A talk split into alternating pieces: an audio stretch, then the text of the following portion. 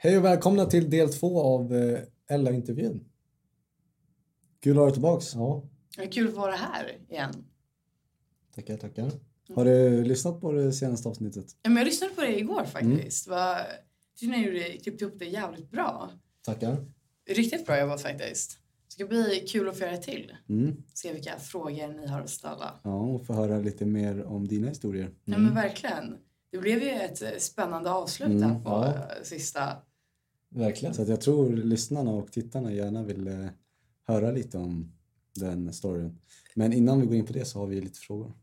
Mm. Kör. Så liksom, du kom ju till en punkt där du inte ville ta droger igen antar jag, som du inte tar droger idag liksom. Nej, precis. Ja. jag är en aktiv missbrukare. lite konstigt formulerat. Nej men, Nej, nej, men- så, så blev det ju. Ja. Absolut. Att, eh, ja. vad, vad var det som ledde till det, liksom, det beslutet? Gud, jag har ju faktiskt va- varit liksom, speciellt också med alkohol. Och när jag pratar om alkohol, jag konsumerar ju alkohol idag. Mm. Men jag menar när man konsumerar det kanske på en, liksom, en men, su- super på dagtid innan jobbet. Liksom. Mm. Alltså, du vet när man kanske haft ett litet eh, större beroende. Ehm, och alla, många av mina beroenden har ju liksom fallit tillbaka. Och det, så det, blir, det där vill jag faktiskt ha om. det så här faller tillbaka som en vecka. Liksom. nej, nej, men så här. Nej, jag, jag är klar. Eh, I'm done and out nu. Och eh, det som fick mig att sluta skulle jag väl absolut vilja säga det är väl att man tror jag får en sån här reality check lite. Att man eh, men du vet, tittar du vet alltid, nej men för jag kommer ihåg när man började så här jag har väl alltid haft visioner om att ja, jag vill driva bolag, jag vill bli Mm. entreprenör, businesswoman och allt det där. Och så blir det typ så här, vid, vid en punkt så har man ju haft de här drömmarna man haft när man, man varit liten. Och så typ tittar man lite på vart man är. Och jag kände mig så jävla ensam. Även fast jag hade kanske 25 personer att ringa och, och knarka med. Och det var liksom... Och den känslan av att veta, jag skulle kunna ringa 25 personer som skulle vara down för att festa arslet av sig med mig Mm. ikväll. Och ändå så kände jag mig så ensam. Och grejen var den att det började bli så typ tråkigt. Och just det här, den här ensamheten för att det är så här, fine absolut, jag hade folk att ringa om jag ville balla ur. Men jag visste om att hemma, klart att jag var välkommen hem. Men jag visste ju också om att så fort jag kom hem så blev det alltid bråk hemma. Mm. Och jag visste om att mina föräldrar tyckte att det var jobbigt, mina syskon tyckte att det var jobbigt. Jag var eh, rätt väldigt passivt aggressiv. Och så visste jag liksom, mina föräldrar är väldigt besvikna. Jag visste att min mamma många nätter grät sig själv till sömns för hon var orolig. Jag svarade inte, hon visste inte vad jag var. Vår relation var väldigt dålig. Så på liksom, det planet var man ju väldigt ensam. Mm. Att så här, ja fine, jag har folk att ringa. Men bry, bryr de sig om mig? Mm. De tyckte att det var kul att träffa mig när vi skulle typ ja, men, knarka eller festa ihop. Men, eh, ja, men det är ingen jag ringer om jag har fått det jobbet jag vill ha, Nej. kommit in på den linjen jag vill ha. Man kan, man kan väl säga att de bara fanns där för, för dig i det läget. Exakt. Det var Just det intresset. Exakt. Mm. Och, eh, och just det, liksom, det så här, sakta men säkert börjar man liksom titta lite typ större på just det här. Vem har jag där som jag kan gå till om något annat i livet? Mm. Eller liksom, vem är glad för min skull när det går bra för mig? Mm. Och, och och det var liksom där när den här ensamheten började komma. Att liksom, med vilka vänner har jag som kommer klappa händerna för mig om jag skulle vara nykter? För det jag kommer ihåg var en... Det är väldigt jobbigt skulle jag säga det här när man ska ta sig ut ett missbruk på egen hand. Många kanske inte ens vet om att man är i missbruket. Eh, alltså vare sig det är gambling, det är Mm. alkohol, det är alltså vilket typ av beroende, okontrollerat beroende man än har. Mm. Så skulle jag säga att det är svårt för det kräver ju att man faktiskt vågar titta.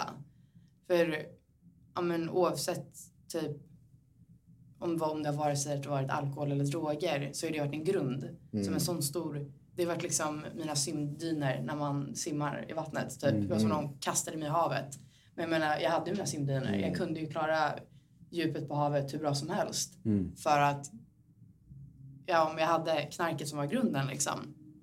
Och just det här att våga öppna ögonen och titta tror jag är så extremt svårt för många. Och jag tror väldigt många, inklusive jag själv, levde i förnekelse att ah, jag är inte beroende. Mm. Men det var ju så här, ja, nu har du druckit varje dag i tre veckor. det är liksom, du är inte beroende liksom. Men jag kommer ihåg, och det blir sådana grejer, man rättfärdigar sånt typ, typ av beteende. Det gjorde jag Mm. själv. Jag kommer ihåg jag var, jag hade jättesvårt för sociala eh? Sammanhang, Ja, liksom. sociala sammanhang. Mm. Och så hade jag en kille på den här tiden. Och jag var så här, hur ska jag ta mig igenom det här? Mm. För jag bara, okej din släkt, de träffas mycket. Och jag visste om, det är juletider. Varje år så samlades hela hans släkt. Och så hade de ett julpyssel. Mm. Och jag var så här veckor innan, jag var så här okej. Ska jag köpa magsjuka? Är det influensa? jag så här, jag bara hur löser vi situationen? Och du vet, och så får jag span på en plunta han har i, sin, i sitt rum. Jag var så här, men underbart. Och då blev det en grej när vi åkte på semester ihop. Eh, Du och den här killen då? Ja, och när jag åkte med hans familj. Då fick han liksom så här sitta och smsa. Nu får du tagga ner på alkoholen lite. Liksom. och så tog jag mig åt sidan första dagen vi var i Marbella. Så sa han, han var liksom, men att de kommer ju märka att du är packad. Och jag var så här, jag bara, men så mycket har jag inte druckit. Han bara, jo men du vågar ju prata nu. han. Jag var så jag bara, ja, ja. Nej men jag menar bara det här, att jag säger inte att det, det är inte bara, men bara den grejen. Att, och då var, var jag liksom, det här var några år sedan. Mm. Men liksom som en, som en bara liten sån grej att jag drack på vad liksom varenda släktevenemang. Eller liksom någon typ av social situation som jag tyckte var jobbig. Bara för att liksom komma undan det problemet. Men nu halkade jag ur lite. Men just det här vad som fick mig att sluta skulle jag väl säga att man någonstans så kröp den hela reality-checken upp. Att jag skulle väl säga att någonstans insåg man att man mådde sämre. Man mår inte bra. Men jag fattade aldrig det blev aldrig verkligt för mig att ja, det är såklart att det är knarket. Mm. För mig var ju lösningen, då knarkar vi mer. Mm. Och liksom, för det, det är ett, ett läskigt att öppna ögonen och titta. Det är läskigt att sluta. För det är en trygghet. Mm. Det är som en kärlek nästan.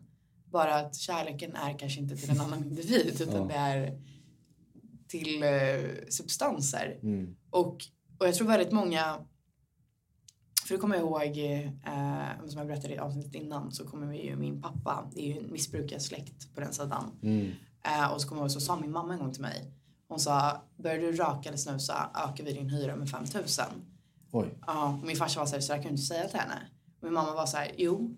Och då vill jag poängtera att min mamma aldrig någonsin haft ett beroende av något slag.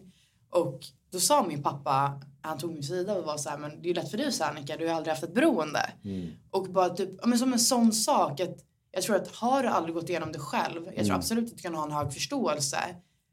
Du har inte samma verklighet liksom. Nej. Att det är så här, ja, det är ju väl bara att sluta, fast det är också inte bara Mm. att sluta. Så det vill jag bara säga det här med att titta, öppna ögonen och faktiskt titta på den faktiska verkliga livssituationen. Och det var väl det jag började göra. Att liksom, jag började typ titta på partnern lite jag var med. Och så började jag liksom tänka så här, men om jag fortsätter så här, vad kommer jag vara om ett par år? Mm. Och så började jag tänka, jag vill alltid ha stora drömmar. Jag vill bli mamma, jag vill ha barn, jag vill leva fint, jag vill ha fina bilar och allt det där. Då började jag liksom titta på den här um, partnern jag hade. Mm. Kommer jag komma dit med honom? Mm. Kommer jag och han om tre, fyra år, kommer vi ha köpt vår första bostad? Det ser inte så ut. Mm. och så började jag liksom inse att det jag faktiskt gör idag tar ju mig verkligen inte... Det var där jag började titta lite. Det tar ju inte mig dit Där Där- liksom. exakt dit jag vill. Och det jag liksom några år yngre jag hade drömt om. Och så började det bli väl typ att man började så här, titta, jag började ifrågasätta mitt liv lite mer och började typ titta på mina vänner. Och så kommer jag ihåg så här, jag bara, men vad ger det mig? För det var också så här, jag bara, men är det inte lite töntigt att vara liksom jag, vill, jag tyckte det var coolt att vara cool. Mm. Jag var så här, är det inte lite töntigt att liksom behöva substanser för att känna någon typ av livsnjutning här i livet? Ja. Eller så här, eh, nej men, Ja, och så började jag liksom ifrågasätta väldigt mycket saker. Då kommer jag ihåg att eh, jag började liksom switcha upp lite i livet. Jag började sakna, jag började sakna min familj. Mm. Jag saknade mina syskon. Jag kommer ihåg, jag kom till den punkten då mina syskon, de var lite rädda för mig. Mm. Jag blev ju liksom, jag blev, jag blev otrevlig hemma. Jag blev aggressiv, jag blev frånvarande, jag ville inte vara hemma. Mm. Tyckte, och jag kommer ihåg, jag kunde liksom kalla mina yngre syskon för så vulgära grejer. Jag kommer ihåg det var en morgon min syster hade väckt mig. Um, vill dock värt att nämna att det här hände ganska ofta. Ville man ha sovmorgon då man, kan, kunde man inte sova hemma. Och, eh, och då, då var mina syskon yngre, det här var ju några år sedan. Och jag tror de kanske var, ja men säg 11 och 9. Mm. Så var de satt på sig De brukade slänga in dörren så hårt på morgonen att mina tavlor på väggen skaka. och jag bara, och det här, jag hade, jag hade sagt till dem, jag bara, sovmorgon till typ 9.45, snälla respektera det. Och så vä- växer jag av att de står och pratar högt i hallen. Och du vet, då alla hade fått nog. Så jag började, jävla horungar. och då, där någonstans gav det mig, ja men du, vet, nu när jag tänker på det efterhand. Min mamma fick säga till mig för att jag tilltalade till mina syskon på ett sånt liksom otrevligt sätt. Mm. Och men det, det var väl det att jag började väl inse, jag, sak, jag saknade hemma. Jag saknade att kunna komma hem och vara Mm. uppskattad. Du kanske också insåg typ att drogerna på ett sätt ändå påverkade dig så pass mycket att du hade dragit dig ifrån din familj. Absolut. Och skapat konflikter där liksom. Gud ja. Mm. Och det är ju någonting man inte såg där och då. Nej. För mig var det liksom okej, ju mindre jag är hemma, ju mindre dåligt samvete har jag. För så fort jag var hemma, så fort jag tittade min mamma och pappa i ögonen så kom ju det där jävla samvetet efter Mm. en. För då blev det liksom att man, det blev så mycket mer verkligt vad man gjorde, hur Mm. dålig relationen var, hur frånvarande stora syster jag var. Det blev så mycket mer påtagligt. Så det var så mycket enklare att inte vara hemma, för då slapp man ju det. Mm. Och, och det, var väl det, det var väl det jag började känna att jag saknade. Jag saknade, för jag kommer ihåg, det var en gång eh, i den här stunden då, i mitt sluta med allt, så satt jag och scrollade igenom min mammas Facebook. Mm. Och då hade min mamma ti- tidigare sagt till mig, ja Ella vi saknar dig. Ehm, jag tittar igenom min Facebook här och för den senaste tiden, du är liksom inte med på bilderna. Vi, vi saknar dig. Och jag var så här, jag, jag gick ju inte in i det. Jag, fick lite dåligt samvete men det var ju bara att hitta en kompis och sova och så röka lite braj. Så var, ju det eh, klappat och klart. Men då kommer jag ihåg, tog jag en kväll och satte mig och tittade igenom hennes Facebook. Och då började jag se, jag är ju inte med på bilderna för jag är inte med på det min familj hittar på. Mm. Och då var det någon som hade kommenterat, ah, vad är Ella, vad är hon nu för tiden? Och jag var så här, det är liksom min familj. Så det var väl den ens, ensamheten och sen också att känna att klart att jag har min familj men jag är ju inte där. Mm. Jag är inte där för mina stora syskon. Det var en annan dag, gång min brorsa hade fyllt år och jag bara typ sket i och dök upp. För det var, men det är såna, såna där grejer Mm. man började göra och där och då insåg jag ju liksom inte vad jag faktiskt gjorde. Så det, det var väl någonstans en, en, en annan känsla av ensamhet började komma in. Och så började jag liksom faktiskt typ titta på min faktiska livssituation. Och typ titta lite så här, okej men vad är det jag gör? Och så blev det väl liksom att jag började typ titta lite på vännerna jag faktiskt umgicks med. Och så var det liksom... Så började jag tänka i framtiden. Mm. Vart vill jag själv på riktigt vara om ett par år? Mm. Vad ser jag mig själv? Ehm, hur vill jag att saker ska bli? Hur, hur vill jag att saker ska vara? Och då började jag väl titta på det lite mer. Och så blev det väl att man började liksom inse att nej men det här och det här vill jag ha. Jag vill bli, ja men där och då vill jag bli mäklare. Och då började jag liksom, jag började göra om lite saker i livet. Och jag började, ja men tog några steg tillbaka från festandet. För jag visste att jag hade fortfarande lite svårt att kontrollera mitt intag. Mm. Och då fick jag höra från en kompis jag hade att eh, jag hade blivit tråkig att vara med. Att jag hade blivit tråkig att festa med. Ja. För att du inte drack och tog droger liksom. Ja, då sa de att vi tycker det blir liksom tråkigare. Och det var alltså en game changer för mig. För där och då jag var så här, jag bara, skämtar du med mig? Mm. Jag har aldrig mått bättre någonsin. Och då hade jag slutat med droger. Och, det, och det, jag, pusselbitarna gick inte ihop för mig. Mm. Jag var så här, du är min bästa vän. Mm. Du ser, alltså det var liksom mer liv i mina ögon. Jag kunde liksom, men det jag pratade lite om innan, att man blir så liksom reserverad till liksom livets naturliga lycka. Mm. Att, och jag, där jag började verkligen få tillbaka så mycket typ, livsenergi. Och du vet, var naturliga, nyktra saker. Mm. Började göra mig glad. Och du vet, jag var taggad på livet, exalterad. Och så fick jag den frågan. Liksom, men vi tycker att du har blivit tråkig. Och då, där var liksom, jag var så här, jag var okej. Och då stod jag inför valet att ska jag vara ska jag vara ensam? Och det var det som var det tuffa. Ska jag stå för min sak och kanske bara stå för en ensam och inte Mm. ha så många på min sida? Eller ska jag ha vänner att umgås med? Och då, är- för det, var, liksom, det, det gick inte ihop i mitt huvud. Hur kan en, min bästa vän säga så? Mm. Ehm, De, ska, sen- de ska ju ändå finnas där för dig liksom. Ja, ja men dels det. Men sen kände jag också så här att okej fine, du kan väl tycka att jag blivit tråkig. Men att så här att det var verkligen som ett sånt statement att alla har blivit tråkig. När det var så här, men vad fan, det går bra för mig nu. Mm. Ehm, så grejen var den att jag fortsatte ju liksom, jag började jobba väldigt mycket på mig själv. Mm. Ehm, och sen så kom jag till en punkt där jag verkligen var så här, jag vet inte, jag växte väldigt mycket. Och så började jag liksom ifrågasätta, okej vad tog mig hit? Vad, varför hamnade jag i det där jävla drogträsket? Men sen så började jag också typ kika lite så här, okej men vad är det för krets jag har? Du vet det här uttrycket ehm, som är, om man hänger du med fem miljonärer kommer du bli den sjätte. Hänger du med Mm. fem, bla bla bla bla bla. Och det, det är någonting jag verkligen, alltså din krets, den, de pers- personerna du omger dig med är verkligen allt. Mm. Det är också absolut din egen integritet, dina egna åsikter och idéer. Men umgås du med personer, ett gäng som tycker att det är okej att beckna, du kommer så småningom också tycka att det är okej att beckna. Mm. Men så där och då började jag liksom kika lite och titta runt. Så började jag titta typ, okej, men vad är det för kompisar jag har? Vad är det för personer jag faktiskt um- umgås med? Mm. Och så någonstans så fick jag bara typ så här en breakpoint. Jag var så här, jag är så jävla trött på det här.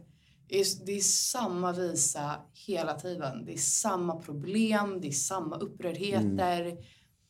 Och det är alltid det här, ja men vem ska, du vet, vem ska träffa becknaren? Vem ska göra det? Så det är upprördheter, samma lögner för föräldrarna. Och lilla grejen är ju den, det är ju aldrig smärtfritt. Mm. Det är, alltså man har ju allt, man känner sig så uppjagad. För du går och bär på en ryggsäck full utav hemligheter. Och du vet, du kan ju inte råka tappa någon på vägen. Om någon annan kommer ikapp och springer upp och tittar, oj jävlar vad fan är det för jävla hemlighet du tappar här liksom. Just den känslan, den är så uppjagande av att dölja så mycket. Mm. Jag, liksom, mina föräldrar ljög jag för. De visste inte vad jag var, vilka jag umgås med, ehm, hur mycket jag festade, vad jag gjorde när jag festade, vad jag tog när jag festade. Och i och med att jag bodde hemma, jag var ju liksom tvungen att typ, det var ett skådespel. Jag var tvungen att vara en annan person. Mm. Och dölja så mycket för de personerna man älskar så mycket. Det kommer liksom i kappen till slut. Och just det här att, det tror jag, jag vet inte om ni har känt så när ni har festat, men att man är ju sig själv, absolut. Men man är också villig och kapabel att göra mer grejer man inte kanske skulle göra om Mm, man var absolut. nykter. Alltså, det blir ju en, en liten förändring när man... Absolut, ja, ja, ja, ja. Och typ så här, men det märkte jag med typ kompisar att man kanske är villig att gå på någon syskon även fast de inte är okej för det, med det. Bara för att men det, det, man skapar så extremt mycket upprördheter. Och då blir det att ja, men någon ljuger för någon som ljuger för någon. Och så kanske man är i en, en vänskapskrets där alla snackar skit om varandra. För det var lite det. Jag var också typ så trött på det. Jag bara kom till en, alltså en point där det var alltså enough. Mm. Du vet, det var bara massa skitsnack. Det började bli liksom oärligheter. Hur ska vi få tag på pengar? Alla ljög för sina föräldrar. Och jag var så här, men vad fan är det här? Det är ju... Och det började liksom komma ikapp. Mm. Och det, för det, det är så osexigt. Just det här, man blir så lat. Och så, om man säger typ, uh, säg att någon fick FF, päronen skulle iväg till landet över helgen. Och du vet, och så var man så här, ja fett kul, då röker vi. Och det blir så här, så sitter man där, för man blir så ointelligent när man röker. Och jag kommer ihåg en story jag har. Jag satt med mina kompisar i soffan och så var det en person som faktiskt inte var hög. Mm. Och så säger min kompis och tittar på henne och bara, men liksom, Hon som inte var hög, var det Ja. någon som sa det? Eh, nej, nej, min kompis som var hög. Ah, okej, och jag ja. Hon bara, "Alla, titta på henne. Hennes huvud, alltså kroppsbyggnad, hon var i form som en penis. Och då sa jag, jag bara, jag bara titta på henne. Jag bara, men liksom, jag bara, nu får du ge dig. Snälla, Mm. vi har ju inte rökt spice liksom. jag bara, får du tagga ner? och hon bara, men alla titta. Och jag började typ cringea lite. Jag var så här, jag bara, sluta nu. Mm. Och sen hon bara, men alla titta. Och så började jag typ fantisera om att det faktiskt var så. Och så slutade det med att okej, vi båda dog av garv. Men jag menar som en sån grej. Mm. Det, det är så extremt jävla ointelligent. Och jag tror bara att typ, jag nådde punkten då jag bara kände så här, men vad ger det mig? Mm. Det är, det är liksom föräldrar som, inte är, som är allt annat än stolta. Som är oroliga, besvikna. Har liksom förlorat sin dotter lite grann. Mm. Och sen blev det också typ så normaliserat för att de man umgicks med Mm. gjorde samma sak. Men det är också så här, ja men vad för typ av nivå är det på kretsen du är med? Mm. Mm. Och det var väl där jag började liksom vakna upp lite. Och just där faktiskt, jag började faktiskt titta på typ så här, det kommer börja komma upp sån här, något jag alltid har hört, tycker det var kul att titta på. Um, såna här andras fram, framgångsberättelser som är i Mm. så här dok, dokumentärform. Och du vet, och så var det typ en, men du vet massa quotes och det finns, ja, massa videos och sådär. Mm. Så började jag få upp några sådana. Och då började det bli typ så här när, när någon var, då började de prata om typ, du vet den här, umgås du med sex miljo- miljonärer blir du en sjätte, umgås du med sex personer som älskar, fem personer som älskar fest blir du en sjätte. Mm. Och då började jag verkligen bara titta på det att man kan verkligen typ ta sig vart som helst och Mm. göra vad man vill. Och jag kärvar runt här i Huddinge centrum liksom. Nej, men jag håller verkligen med vad du säger. Liksom. Det Mm. Måste vara jävligt starkt jobbat. Att du liksom... Det, Tack så mycket. där, Liksom. Det är, jag kan tänka mig att det är inte lätt alls. Nej. Liksom. Det är fan rätt tufft alltså. Alltså från att du liksom ändå hängt med de här äh, personerna ja. ett bra tag liksom. Mm. Och sen liksom bara fick du en, en inblick på, men nej jag, kan- alltså, jag kan inte fortsätta så här liksom. Nej. Och bara liksom ta beslutet att, men nu, nu bryter jag liksom kontakten. Ja. För så liksom, nu har inte jag varit i exakt samma sits, men jag kan ju liksom se själva grejen med att bryta kontakten med liksom vänner man verkligen liksom har brytt sig om och liksom haft någonting med att göra. Mm. Att det märkte jag liksom efter grundskolan. Mm. Ehm, att ja, men, skolan i sig var ju bra, Mm. men de man umgicks med, alltså eleverna, jag började ju tänka redan då som du tänkte Mm. under den här tiden. Liksom. Okej, men vad, vad vill jag ha för framtid? Liksom? Mm. Exakt, exakt. Jag, kanske inte, jag, jag vill inte gå i en, i en, i, i en dålig gymnasieskola. Liksom. Nej, nej, nej. Om jag vill få en bra framtid, då måste jag hänga med folk som vill, samma, eller vill ha samma mål. Liksom. Mm. Gud ja. Och det var därför jag valde liksom ett... Ja, jag pluggade på mina betyg, ökade betygen och sen valde jag ett bra gymnasium. Exakt, exakt. För det, det, och det tycker jag är jävligt bra jobbat. För det tycker jag verkligen man kan se om man kanske jämför våra tonår. Mm. Att det har väl gått lite åt två olika håll. Mm. Och just det, jag tror också att det är så lätt när man, eller det vet jag om för mig var det det. Att men det är mina vänner, de skulle aldrig vilja skada mig. Eller det är mina vänner, de skulle aldrig vilja mig illa. Och, och det kan ju också vara sant. För det vet jag om, i och med att jag berätt, nämnde ju att jag var ju den första som faktiskt började eh, ta droger i min umgängeskrets. Och för mig var det så här, jag bara, men gud, jag har hittat meningen med livet. Och, och då ville jag ju liksom att mina kompisar, jag vill ju också ge dem meningen Ja. med livet liksom. För det var ju verkligen så här det jag tänkte då. Så min idé var ju aldrig att haha, nu ska jag förstöra för dem. Absolut Mm. inte. Nej. Men så att jag kommer ihåg liksom, det var, verkligen som en win för mig när jag var så här, vill du testa? Vill du testa? Vi testar. Och då gjorde ju vi det. Så det var ju liksom inte så att jag var en taskig vän eller fientlig eller ville dem Mm. illa. Men jag menar bara att jag tror man måste separera. Okej, den personen kanske är min vän. Men vart kommer jag komma med den personen i mitt liv? Mm. Eller var kommer jag komma med den här typen av relation? Vad kommer det ge mig? Mm. Ehm, för jag tycker också att man typ ska normalisera i- inte att man måste, nödvändigtvis måste typ kutta med alla. Men just det här med att, alltså, Att det, norm, är, att det är viktigt att tänka Ja, verkligen. Liksom. normalisera att do you. Ja. Så. För Mm. att det kommer jag, li- ja. För det var väl typ någonstans där. Och så kommer jag när jag började tänka tanken så sa jag typ åt mig att nej, det kan du inte tänka för många av de här, jag har ju känt dem som förskoleklassen. Mm. Jag var så här, herregud, vi är ju liksom livshistoria ihop. Och så du vet, det var så extremt läskigt. Jag var så här, vem fan ska gratta mig på min födelsedag då? Eller du vet, vem ska jag ringa? Vem ska jag Mm. prata med? Och det blev liksom ensamt. Mm. Det blev sjukt jävla ensamt.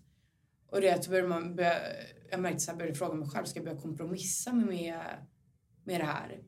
Men jag tror också att det blev ensamt. Mm. Men sen så började man ju...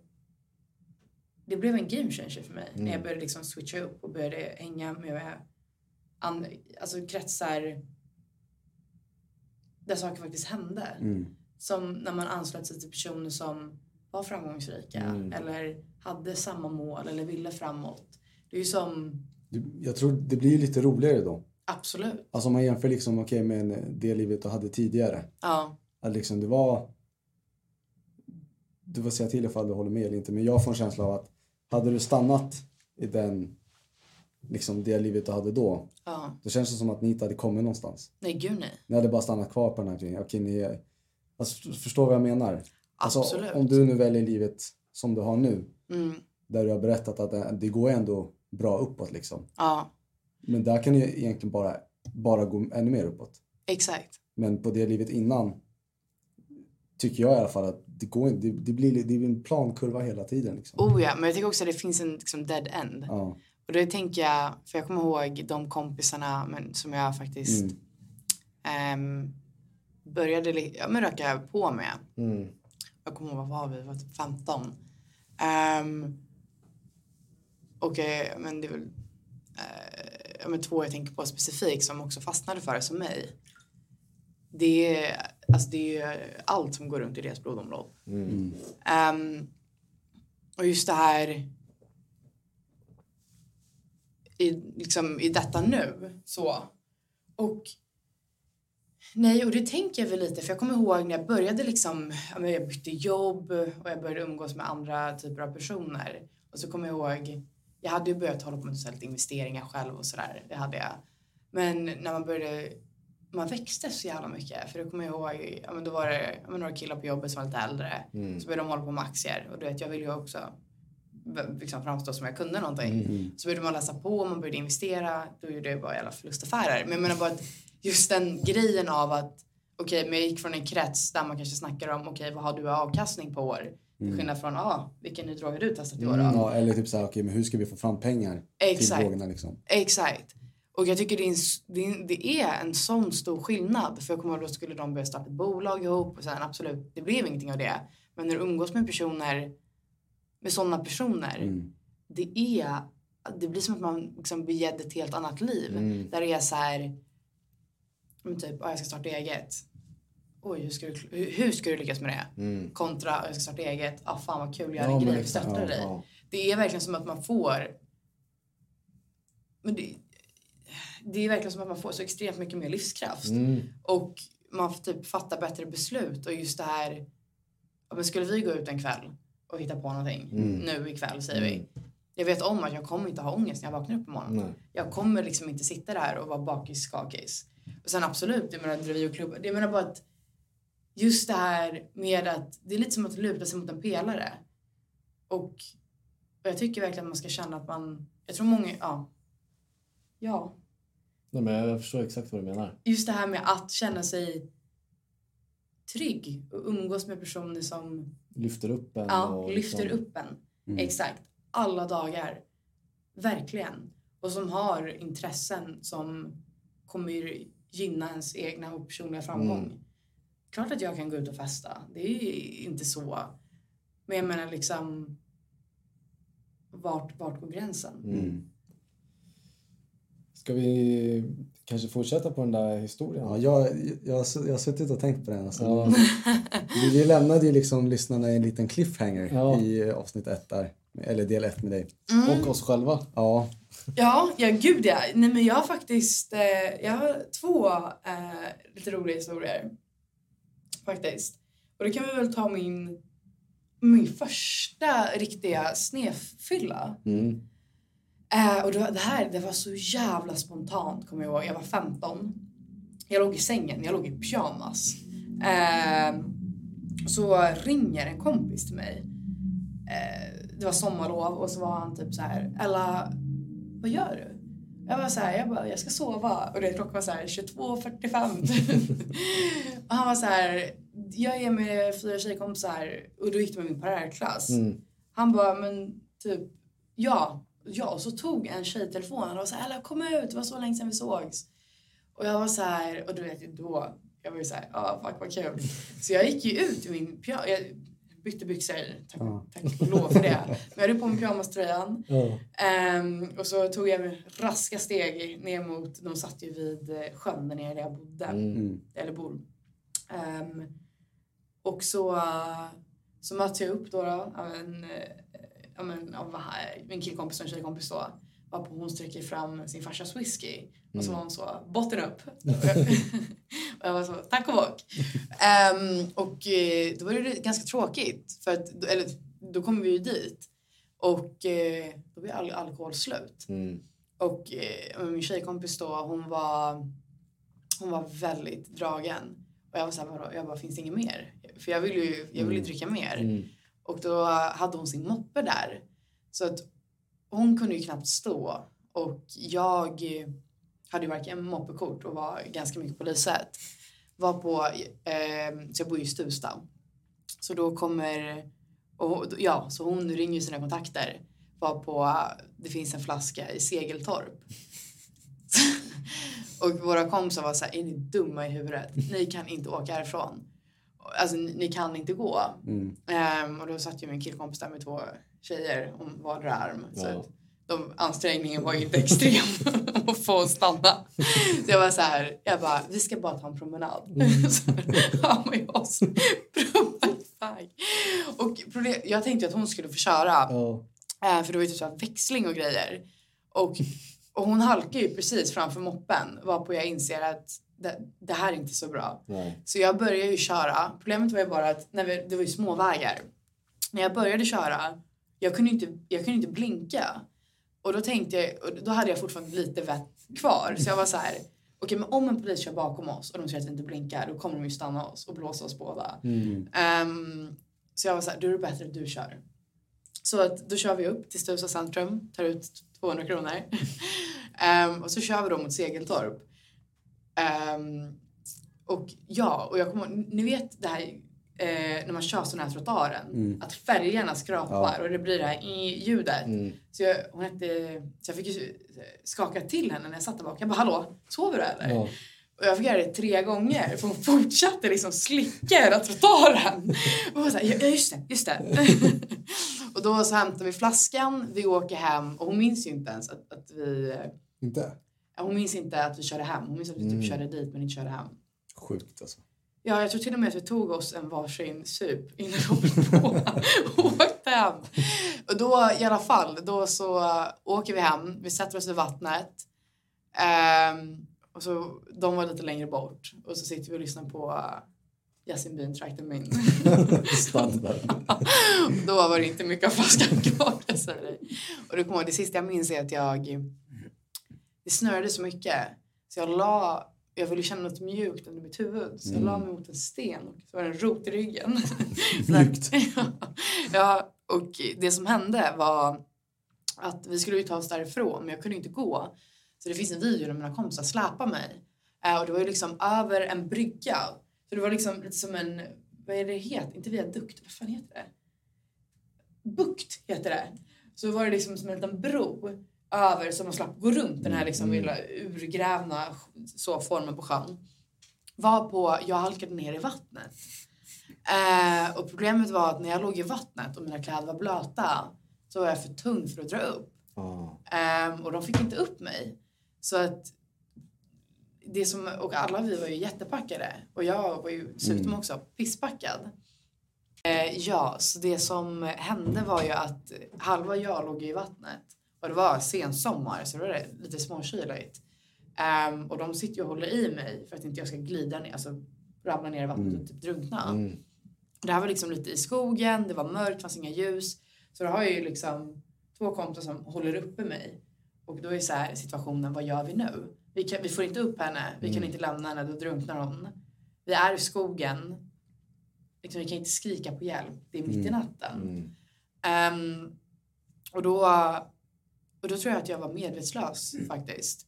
Ja. Fan vad sjukt alltså. Ja, Shit. verkligen. Och då så får mina kompisar springa upp till mina föräldrar, de får hämta dem. Och ja, det här var ju två kompisar mina föräldrar hade, hade träffat. Så när de knackar på är så här, Ella ligger medvetslös i vattnet. De var så här, vad pratar ni om? Hon ligger här nere och sover. För just det, jag hade ju smitit ut genom fönstret. Så du har ju fönstret på nedervåningen? Ja, så jag hade ju smitit ut genom fönstret. Så mina föräldrar tittade ju och bara, men där ligger hon ju inte.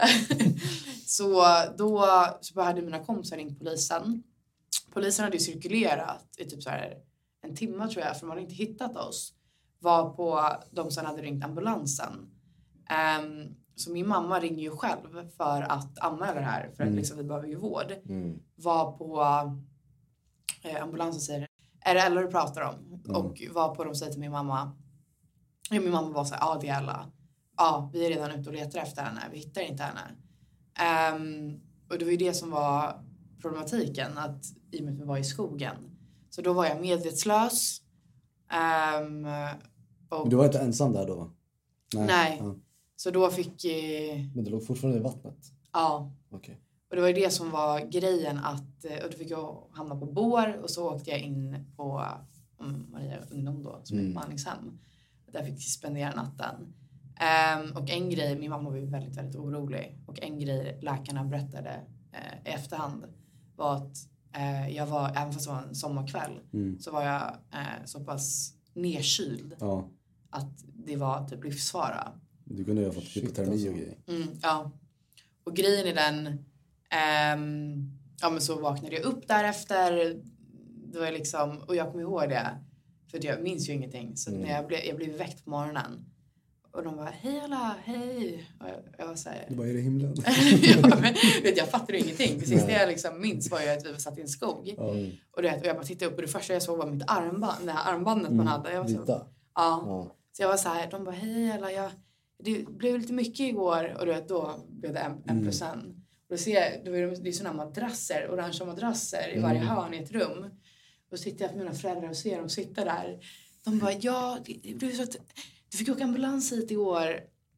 Och, du vet, och då försökte jag tvångs, tvångsgråta. För jag ville att du vet, mina föräldrar bara satt där jag var så här, det här är inte bra, det här är inte bra.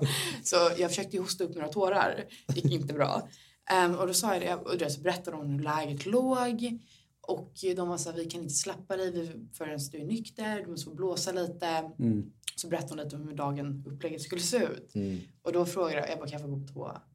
Eh, och så fick jag blåsa först. Och jag blåste för högt för att de eh, ville att jag skulle resa på mig. Jaha. Eh, för jag googlade på det här efterhand. Och jag hade så pass mycket promille i blodet att eh, jag såg dubbelt. Ehm, så att jag hade typ så, över fyra där är typ död. Mm. Och då hade det, jag tror jag, jag hade typ inte konsumerat alkohol. Det hade gått en hel natt Mm. plus morgon. Och jag blåste typ så här 2.14. Så att, Shit, det var en I 15 kvar, års ålder. Ja, Det är fan sjukt alltså. det är sinnessjukt. Och då så, ja men jag somnar om. Och eh, det här var ju sommaren, det var så här värmebölja. Och det fanns ju inga fläktar och det var typ, Mm. mm. det var så skevt att ligga där. För i det här rummet var det också så här galler för fönstren så Mm. du kunde liksom smita Rymma. därifrån. Ehm, Du har inte som fönstret hemma i... nej, nej, det var inte lika lätt. Ehm, men då i alla fall så uh, kom jag, fick, jag träffa och prata, fick jag träffa en person och prata med honom. Pappa han var så här, hur ser det ut hemma? Hur eh, ser dina drogvanor Mm. ut? Och allt det där. Och så fick jag även piss, äh, lämna så här, Pissprov. eh, Ja, pissprov. Men jag kommer ihåg, eh, och så var, fick jag gå med socialen blev inkopplad, det blev liksom orosanmälan, det var uppföljningssamtal och så var det liksom, fick jag ett program erbjudet där det var ja, men under en viss tid, jag skulle liksom följa upp, pissa eh, Mm. veckor, varje vecka och prata med någon och sådär. Ehm, men det gick jag inte på. Men ja, den historien om när jag krökade in på behandlingshem. Sjukt ändå Ja. alltså. Men jag tycker också det var så här, för grej, efter den, jag hade så, ja, grejen var att eh, när jag låg där vid eh, bryggan Mm. eh, så sa ambulanspersonalen nyp henne till den här killen då, då som är för övrigt typ två meter.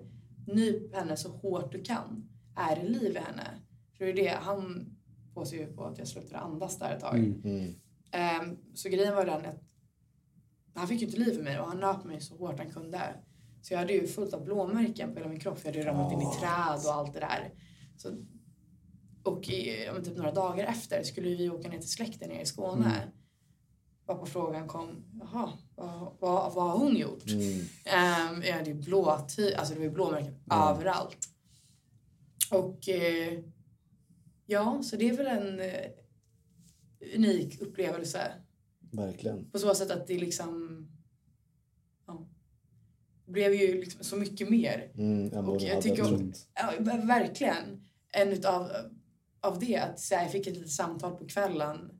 Ska du med ut? Hade de bara inte ringt mig hade det inte hänt. Mm. Men istället resulterade det verkligen Eller om du inte liksom, hade svarat typ. Ja, men exakt, Mm. exakt. Att eh, ja, men du vet, det blev orosanmälningar och det socialen blev inkopplad. Det Mm. var pissprover. Ja, det är helt sinnessjukt. Trots det fortsatte du att kröka. Ja, ja, ja gud, ja, det där var bara bör- Det är ganska intressant för att det där Ja. var början av mitt festande. Mm. Det var första gången jag eh, fick minnesluckor när jag Mm. festade. Och första gången jag drack alkohol i, ja, men i den mängd. Mm. För innan hade jag alltid haft kontroll. Ja, men det var någon cider och någon shot Mm. och så var man busig nog. Därefter, för det var ju det. Jag tog, jag tog en dags paus. Sen smet jag ut igen. Gjorde du det? Alltså. Men det var ju det som var det, grejen i den att jag var ju fruktansvärt eh, bakis då. Mm. Så jag kände, men en natt kommer jag väl få sitta på avbytarbänken. Sen åkte mina föräldrar tidigare till landet. Ehm, och då, då, då var det, FF. ja, då var det ut, ut på stök igen. Eh, det var inte ett vinnande koncept kan jag säga det. Men jag, alltså man kommer ihåg sin första fylla ändå alltså. Ja. Alltså typ första liksom rediga, du vet när man Ja. mådde piss dagen efter. Mm. Ehm, jag har ju en, du har jag hört det många gånger. Den eh, hemma i, hos Berran. ja, ja. Då, ja, vi hade fixat till oss liksom en flaska Smirnoff. Mm. Men vi hade ingen utblandning alls. Nej. Så satt vi där, jag, vet inte, jag var på något så här konstigt jävla humör. Eh, jag och två polare liksom. Hemma hos honom, han hade FF. Jag kanske var 16, 17, där någonstans. Ehm, och så dricker jag upp. Alltså jag tar liksom ett glas och häller i. Mm. Ja, typ vodka upp hit kanske i glaset, sen i med is för att det skulle väl smaka bättre på något sätt liksom. Mm. Ehm, och sen forts- ja, slutade med att jag drack ju 75% av flaskan rent. Ehm, och jag mådde ju piss. Ehm, jag spydde ner hela hans lägenhet. Mm. Typ Ja. hans, sov, hans sovrum. Jag kommer ihåg att jag låg vid toaletten spydde. Alltså, jag hade kommit spya under eh, tvättmaskinen, Fan. dörren. Åh, för fan Ehm, alltså. Jag hade ju r- ja, ringt farsan ett, två på natten. Ja. Min mobil hade dött mitt i samtalet. Och han hade liksom direkt fått liksom uppfattningen okej men något, något är galet liksom. Ja. Något har hänt. Mm. Ehm, så lyckades min polare få tag i min pappa. Pappa kom dit med min storasyrra också. Kommer upp i lägenheten och jag kommer ihåg liksom när jag ligger helt så här, helt borta. Mhm. Alltså inte alls i närvarande tid. Ehm, och bara kollar på pappa liksom. Jag bara fuck alltså. Fuck, fuck, fuck, fuck, fuck, fuck. Mm. Ehm, jag kommer ihåg att han, han, han skrek ju inte på mig då liksom. Det, jag tror inte någon förälder riktigt gör det. Jag har inte varit med om det. Men vi går ut genom eh, polarens dörr och där får jag en black, alltså där svartnar det liksom. Mm. Ehm, så att, eh, ja. Och så uh, vaknade jag upp dagen efter. Jag skulle jobba ute på Ljusterö liksom. Nej, fy Två och en fan. halv timme med eh, buss. Ja. Och jag vaknade upp när tunnelbanan skulle gå. Ja. Ehm, ja, det var skit. Ja. Nej, för Ja, fan. för fan. Det Ja. där, jag kommer en rolig historia, det var liknande. Min kompis hade hostat, eh, hon hade fått FF, FF. Mm. Då var det fest. Och jag, alltså, spydde, så på, jag spydde ju stopp i deras eh, dusch. Mm. För det är ju det, de hade ju en... Eh, vi, vi alla hade ju ätit middag ihop innan, för, eh, innan de åkte till landet, deras päron. Och så kom jag så var det skal på potatisen. Ehm, och det var ju liksom... De har ju en dusch, inte kabindusch, men du vet en dusch som inte står på golvet utan det finns som en liten grund. Ja, okej. och så ja. kan du så stänga Ja. in det så finns det jetstrålar och allt sånt där. Mm. Ehm, och grejen var ju den att eh, jag hade ju spytt så mycket i den duschen att när jag skulle duscha dagen efter I samma dusch. Ja, så mycket. Jag bara, fan är potatisbitar på cykeln? så att när, när hennes bonusfarsa, när han kom hem, fick ju, fick ju rensa det stoppet. Och jag kommer ihåg, alltså veckor efter kunde jag hitta potatisskal i deras tvättstuga. För att det var ju liksom, det var överallt och ingenstans. Nej, herregud. Ja, fy fan, jag har också en... Ja. Och efter, alltså jag säger bara, efter den här fyllan liksom, då drack inte jag alkohol på ett halvår. Ja. Alltså- det var en sån. Ja, alltså shit. Och då var det så här, vi, antingen Har du var hört det, den här? Ja, det har du. Antingen var det att vi hade bara en random sommarfest hemma hos oss. Eller så var det typ födelsedagsfest Mm. hos eh, morsan ute på Ljusterö. Mm. Skitmycket polare, vi hade dykat upp med så här, ja, men beer pong och allt sånt där. Mm. Köpt massa backar med alkohol. Mm. Och jag är liksom minnesluckor. Ja. Så jag kommer inte ihåg liksom allting. Men jag kommer ihåg liksom, man går och... Man, jag, en grej jag tänker nu efter, man märker ju liksom att ens medvetenhet och konsekvenstänk Mm. är helt borta Mm. när man är full. Alltså. Mm. Jag tänker inte, okej nu, nu, har jag, nu känner jag mig lite full, nu får jag sluta dricka. I det här fallet var det bara, Fortsätt. eller vad sa du? Att du vill fortsätta dricka. Ja, Att jag inte ska fortsätta dricka menar jag. Ja men du, ja, okej då hörde jag fel. Så. Ja, okej. Eh, nej men så, ja, jag blev liksom packad. Och så, det sista jag kommer ihåg det är liksom att jag drar en TP liksom. Mm. En tactical puke. Och sen efter det så går vi på en, jag och några polare går på en promenad för att pigga upp mig. Mm.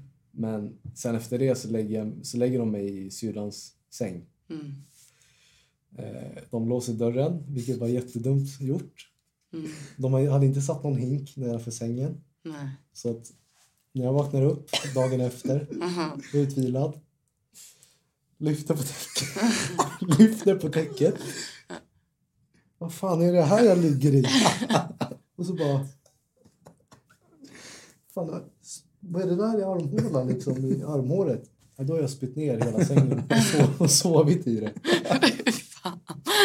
Och då är jag bara så här, what the fuck? Och så ställer jag mig och bara, fan dörren går inte att öppna. Hur fan ska jag ta mig ut? Så bara, typ, jag tror jag har skrivit till någon eller Ja. ropat på någon så får de komma och öppna men jag, jag visade inte sängen jag tyckte det var så jävla pinsamt. Ja. Så jag bara, tack för att du öppnade, du kan gå nu.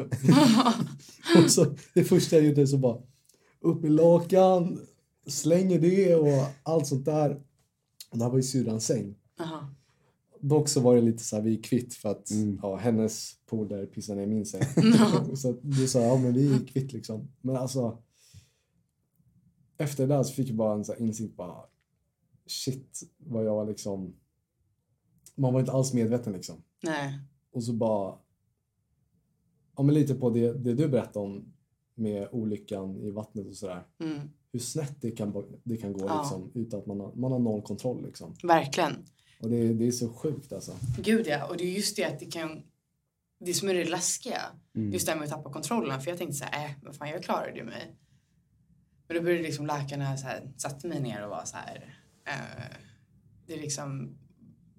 Vi, vi, att det gick så bra. Mm. Och jag var så här, men vad kunde typ gått fel? Och han var liksom, herregud, ni var i en skog. Eller han- Jag sa ju inte det, men, men han var liksom så här, ni var i en skog, det var Mm. mörkt. Du hade kunnat slagit i huvudet. Mm. Och så hade det liksom inte behövt krävas så mycket Mm. mer. Och jag, det som din incident där, det du berättat, även fast intention, intentionen inte är så, så kan det gå så jävla fel. Mm. Så jävla snabbt, vilket är, är läskigt. Mm. Jag tänkte på en grej. Du har ju pratat idag om liksom dina ja, galna historier. Mm. Du har pratat om hur det slutade med drogerna. Mm. Också vilka framgångar du har fått av att du slutade med drogerna. Mm. Ehm, vilken väg du är på. Jag tänker bara. Vilka tips har du till någon som kanske lyssnar som känner att, att den personen kanske är i ett missbruk och inte riktigt vet vad de ska göra. Har du några tips till den personen? Eller kanske är i ett, i ett umgänge där många Ja. håller på liksom. Och, han, och den, hon eller han liksom känner att oh, jag vet inte vad jag ska göra liksom. Typ så. Gud vilken bra fråga. Det var en jävligt bra fråga. Vad för tips jag har till någon, om man- ska säga till någon som umgås väldigt mycket med, som är i de kretsarna. Mm. Det är att, men, jag skulle jag vilja säga att eh, verkligen, verkligen öppna ögonen och ta en titt och sen kika. Och sen och, men fråga, fråga dig själv. Vad, vad vill du själv? Mm. Och liksom våga och du våga stå på dig. För om man är i en position där man själv inte knarkar att faktiskt våga tänka på sig själv och vad man själv kommer komma längst utav. Mm. Mm. För det är ju så om man faktiskt är öppen och ärlig och bara tittar på ren statistik. Okej, men vad för typ av vänner vill du ha? Vad för typ av vänner... Men, om man sätter upp, okej, men vad har jag för mål? Vart vill jag? Vart är jag på väg? Mm. Kommer de här personerna du har i ditt liv faktiskt bidra dit du vill komma? Mm. Eller inte? Och ja, det är väl ett väldigt stort tips jag har. Och sen när det också kommer till typ beroende. Det är ju, jag tycker det är en extremt svår... Det är svårt och det är ett typ känsligt och väldigt laddat ämne. Och speciellt om man ska ta sig ur det ur egen hand. Mm. Men någon, någonting jag har haft längs vägen som har varit det som har gjort att jag har klarat det. Mm. Det är att det har varit ett beslut jag själv har fattat.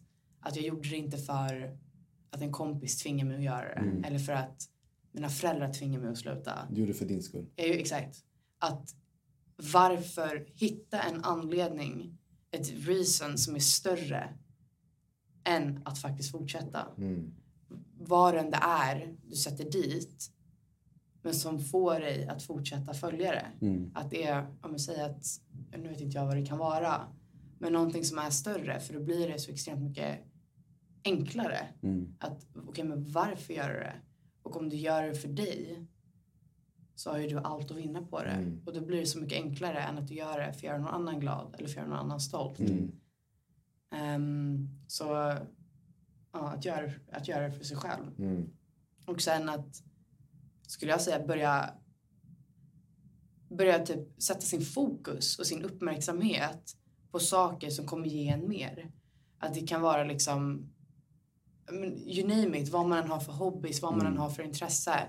Någonting som kommer gynna dig i längden över en, liksom, en lång sikt. Mm. Att, ja men, kan ju, allt, det är så personligt, men liksom att rikta sin fokus på någonting som kommer generera dig mer och som kommer få dig gladare, som kommer få dig att tänka större. Och sen, liksom, om det är som jag sa förut, där, säg att du blir en procent bättre varje dag. Mm. Efter hundra dagar är det dubbelt så bra. Mm. Att liksom, ja.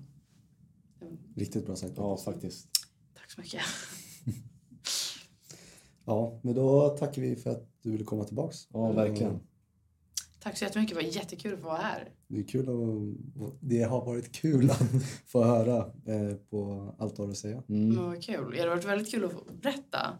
Jag hoppas verkligen att man eh, har kunnat eh, men influera någon. Eller, Det, tror jag absolut. definitivt. ja, vad kul. Tack för att ni har tittat och lyssnat på oss idag. Och glöm inte att sub, eh, subscriba, eh, likea. Och eh, följ oss på sociala medier. Ice No Drugs heter vi där. Eh, ja, och så har vi även ja, med merch Mm. i olika Koppar. slag. Armband, you name it. Och ni som lyssnar på, på någon, någon plattform så eh, hittar, hittar ni länken till webbshoppen på våran Instagram. Mm. Okej, då får vi tacka för oss. Tack alla. Tack. Hej då! Hej då! Hej då.